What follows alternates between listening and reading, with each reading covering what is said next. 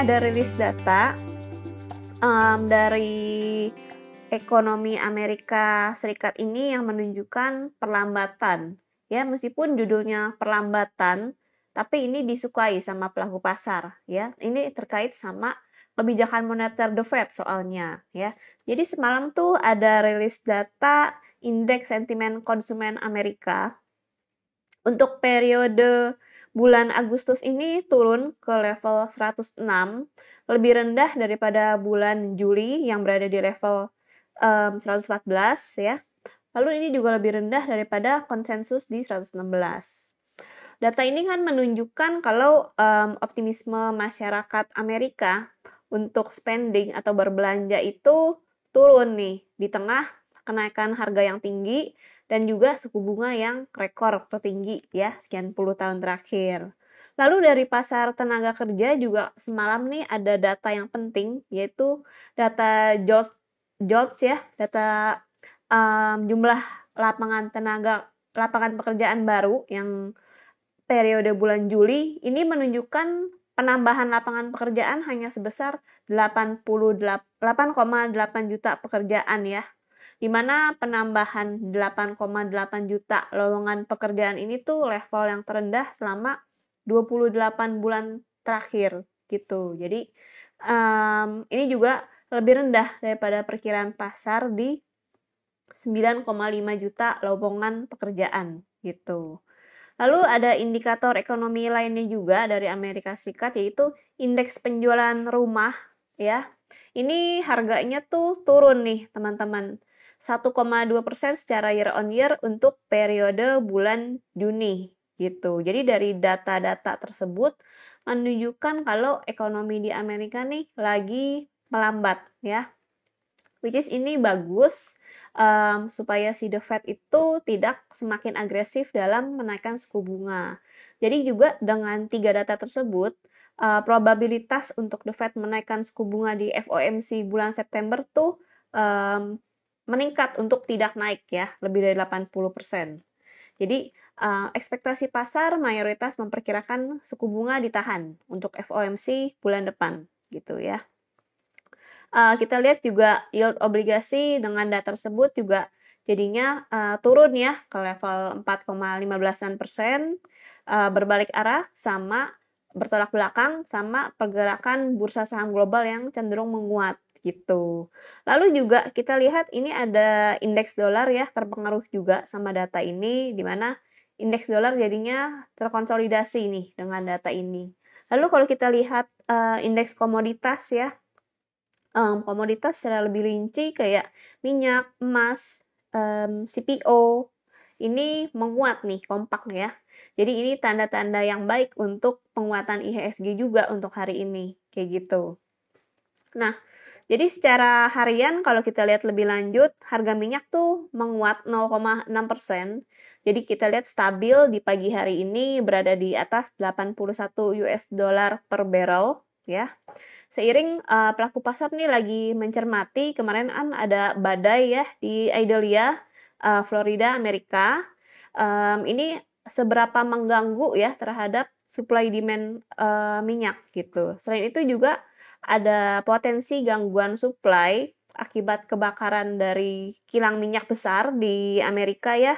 Namanya itu Marathon Petroleum. Um, ini salah satu kilang minyak yang besar jadi pasar memperkirakan um, akan ada gangguan suplai minyak ya, meskipun masih dicermati seberapa besar dampaknya, seberapa lama gitu kenaikan harga minyak bisa terjadi.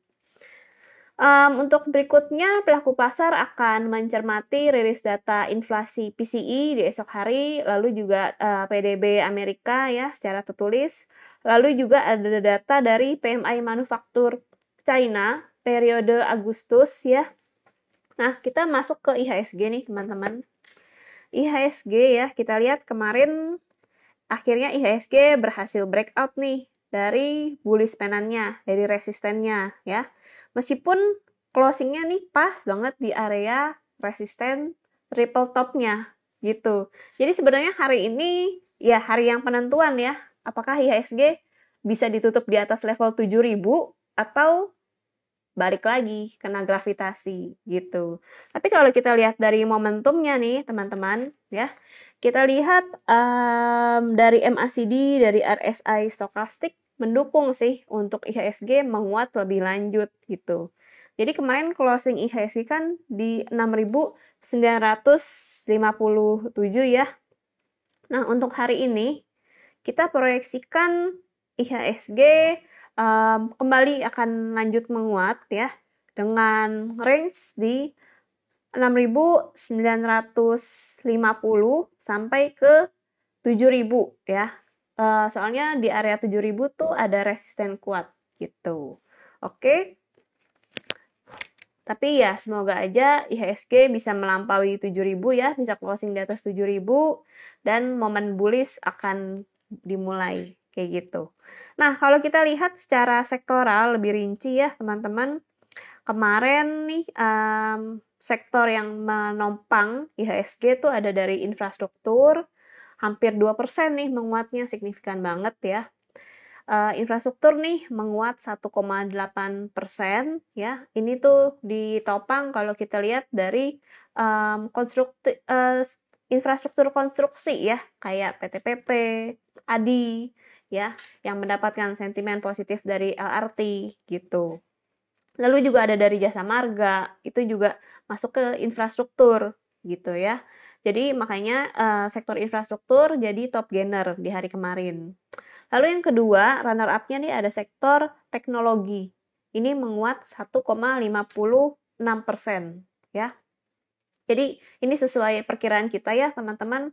Um, seiring um, the Fed yang semakin dovish ya, yang semakin uh, melunak, jadi ini akan menguntungkan sektor teknologi. Tinggal ditunggu aja momennya gitu.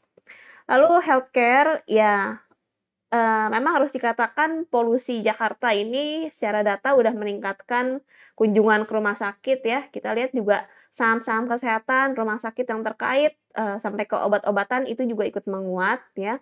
Tapi kalau teman-teman cermati saham saham-saham kesehatan rumah sakit yang menguat ini yang um, anti BPJS ya. Oke, soalnya kalau yang dari BPJS berdasarkan berita ini um, ada potensi tekor pembayarannya gitu. Oke, kita beralih ke sektor yang melemah signifikan ya. Jadi kemarin sektor cyclical, IDX cyclical atau konsumen non primer ini melemah tapi nggak ter terlalu signifikan. Melemahnya hanya 0,3 persen ya. Lalu ada sektor transportasi, ini juga masih ada aksi profit taking ya dari GIA. Ini melemah 0,21 persen.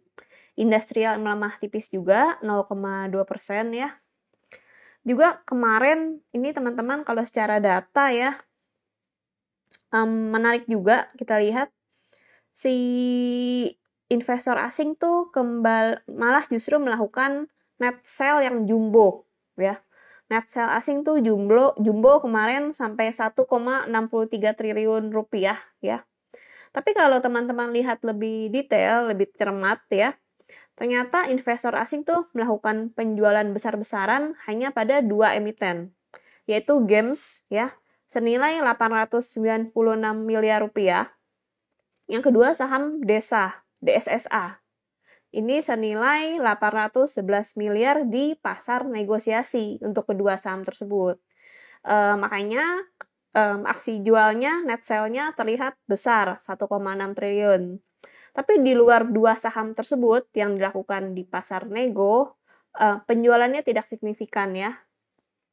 Oke, okay. um, untuk IHSG proyeksinya sudah ya teman-teman. Jadi uh, hari ini kita optimis masih lanjut menguat dengan sentimen-sentimen tersebut. Lalu teman-teman juga kalau ada pertanyaan dalam Instagram Live ini bisa silakan diketik di kolom Q&A ya, di kolom chat Instagram ya. Uh, rekomendasinya yang pertama untuk hari ini kita pastinya akra ya, sesuai sentimen menaikkan harga minyak. Oke teman-teman, jadi akra kita lihat ini menarik ya. Um, kemarin dia tuh cenderung sideways dalam beberapa pekan terakhir. uh, muncul beberapa candle doji sebelumnya akhirnya ada candle bullish ya. Penguatannya juga lumayan, kemarin 2,26 persen. Oke, kita lihat ini supportnya ada dua support. Support MA jangka pendek ya. Volume meningkat. Oke, jadi kita bisa buy Akra um, di harga 13.40 sampai di harga closingan sekarang ini oke. Okay. Um, target di MA 200 di 1400. Stop lossnya di harga 1300 ya. Itu untuk Akra yang pertama. Yang kedua, TPIA.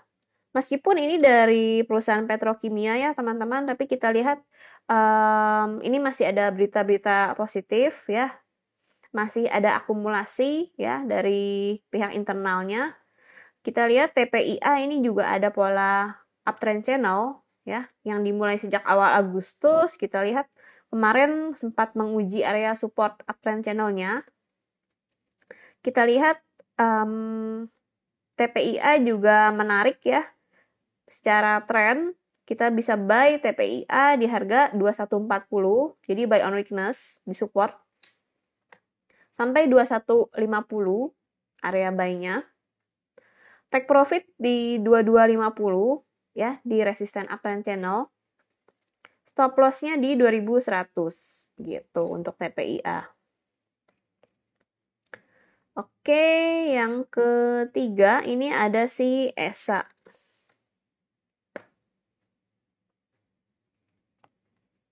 Oke, ESA kita lihat ini ada di mid Bollinger Band-nya.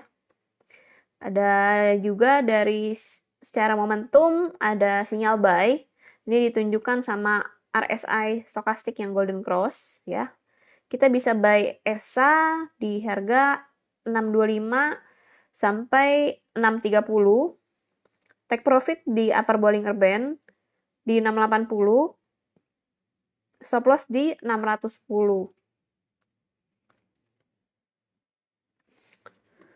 berikutnya kita ke kertas-kertasan ya ada tekim ya rekomendasi berikutnya Oke, kita lihat ada sinyal buy nih si Tekim dari RSI Stochastic Golden Cross. Volumenya juga confirm untuk naik. Pola juga uptrend ya. Kemarin juga sempat menguji level supportnya di 7600 tapi berhasil rebound sehingga closingnya di 7775. Kita lihat ini juga ngebreak dari sideways seminggu terakhir Tekim ya.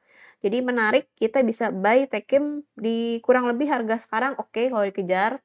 Tapi kalau mau agak nawar, itu juga silakan di harga 7.600 sampai 7.650 ya untuk meminimalisir risiko.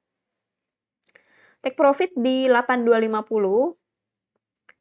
Stop lossnya di 7.450 ya, Tekim.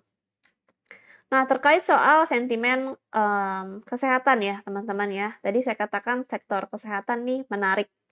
Jadi ini kita pilih saham uh, bukan rumah sakit, tapi kita pilih saham obat-obatan karena yang sakit nggak tentu dirawat, ya kan? Oke, nah KLB Pharma ini menarik ya, teman-teman. Jadi memang secara tren masih downtrend, tapi dia terlihat udah nge-breakout dari downtrend line ya Sebentar aku gambarin. Oke. Lalu breakout juga dari um, mid Bollinger Band ya, garis tengah Bollinger Band ya.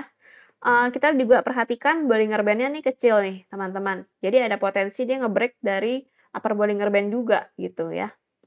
Dari RSI stokastik ini juga udah masuk ke area beli, buying zone ya. Jadi kita bisa beli Kalbe Pharma di harga 1840 sampai 1850 take profit dari di harga 1900 stop lossnya di harga 1800 gitu ya teman-teman. Oke kurang dari 15 menit kita opening market apakah ada pertanyaan dari teman-teman oke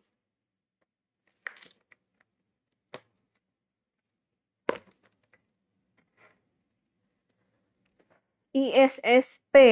Ini kalau dari MA ada sinyal jual nih teman-teman ya. Um, ada dead cross soalnya ya. Dari momentum juga ada ruang lagi untuk turun ya. Meskipun sekarang closingnya nih di area-area support lower Bollinger Band ya. Tapi um, bisa juga dia tim mau uh, breakdown dari support lower Bollinger Band gitu. Jadi teman-teman sebaiknya bisa um, hindari dulu ya kalau ISSP kayak gitu. Oke, ada pertanyaan lain lagi? Oke.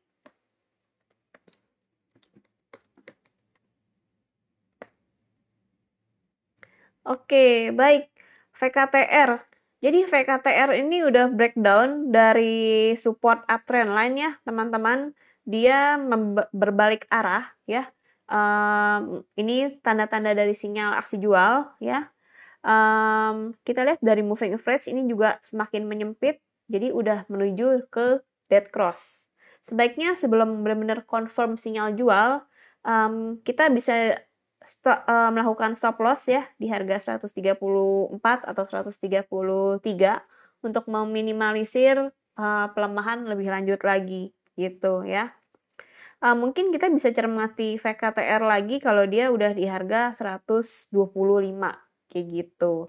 Tapi kalau teman-teman melihat ini prospektif untuk jangka panjang, mengingat VKTR ini juga baru IPO di bulan Juni, ya teman-teman bisa hmm, bisa hold aja gitu ya. Oke, nextnya masih ada pertanyaan? Masih ada ya? Oh, ada yang nanya Goto. Ya, ini Goto juga yang menjadi penyelamat IHSG ya kemarin ya. Karena bobotnya besar ya di IHSG kita pengaruhnya. Oke, ini Goto ya ada candle bullish Marubozu sebenarnya. Apalagi di hari Senin kemarin ini juga ada candle reversal doji ya. Jadi menuju tanda-tanda penguatan. Tapi di sisi lain banyak resisten ya teman-teman di level 95 sampai 96. Jadi teman-teman kalau yang masih hold, yang ikutin IG live kita kemarin nih, um, harusnya udah lagi senyum-senyum nih. Kemarin kita kan target goto di 90 ya. Sekarang udah dibonusin nih. Tapi kalau yang baru jual sebagian kemarin, belum semuanya masih ada simpan goto, bisa dijual lagi di hari ini di harga resisten 95 ya sampai 97 kalau yang berani scalping, khusus untuk teman-teman um, trader profesional yang udah lama, udah pengalaman, um, ini bisa juga buat scalping. Volatilitasnya juga tinggi, goto. Jadi menarik untuk jangka pendek juga. Oke.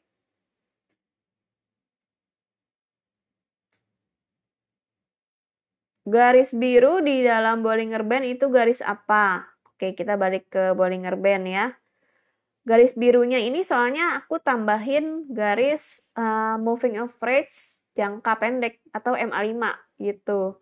Jadi sebenarnya mau kita hilangin juga boleh, mau kita tambahin MA200 itu juga bisa. Kayak ini aku lagi hide dulu nih MA5-nya jadi hilang deh gitu ya. Tapi kalau secara basic ya uh, Bollinger Band punya upper, lower sama mid Bollinger Band gitu. Kalau tambahan MA ya menyesuaikan aja sesuai permintaan. Oke, ada pertanyaan MBMA.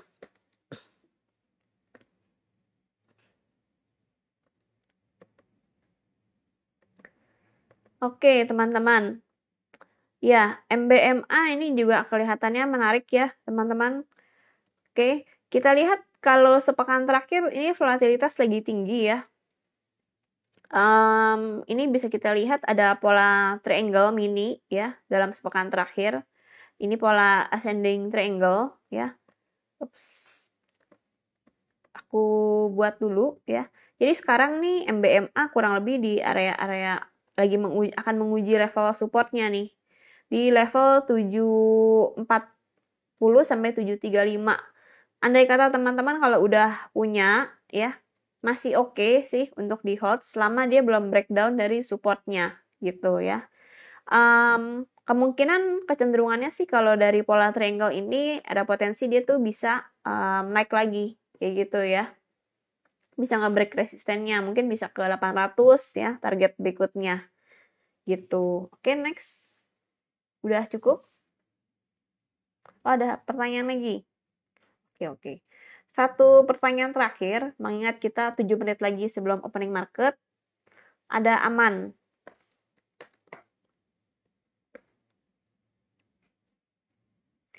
Oke, teman-teman, um, aman ini memang mantep ya dari awal IPO kayaknya nggak ada turun-turunnya.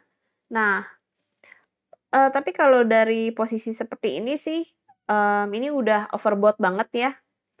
Nah, ini balik lagi ke profil resiko teman-teman nih, gitu. Apalagi perusahaan IPO kan uh, volatilitasnya tinggi ya. Mungkin kita kalau masih ingat beberapa contoh saham IPO, um, banyak hal yang sering terjadi um, yang naik terus sekian bulan lalu mendadak bisa turun ARB terus bisa jadi seperti itu ya meskipun ya um, aman secara fundamental lebih baik gitu ya mungkin kalau untuk dilihat jangka panjang ya harga sekarang masih menarik aja untuk masuk. Tapi kalau untuk trading jangka pendek um, ini udah ketinggian kayak gitu. Oke? Terima kasih banyak teman-teman untuk partisipasinya di pagi hari ini. Kita ketemu lagi besok ya. Salam sehat salam cuan. See you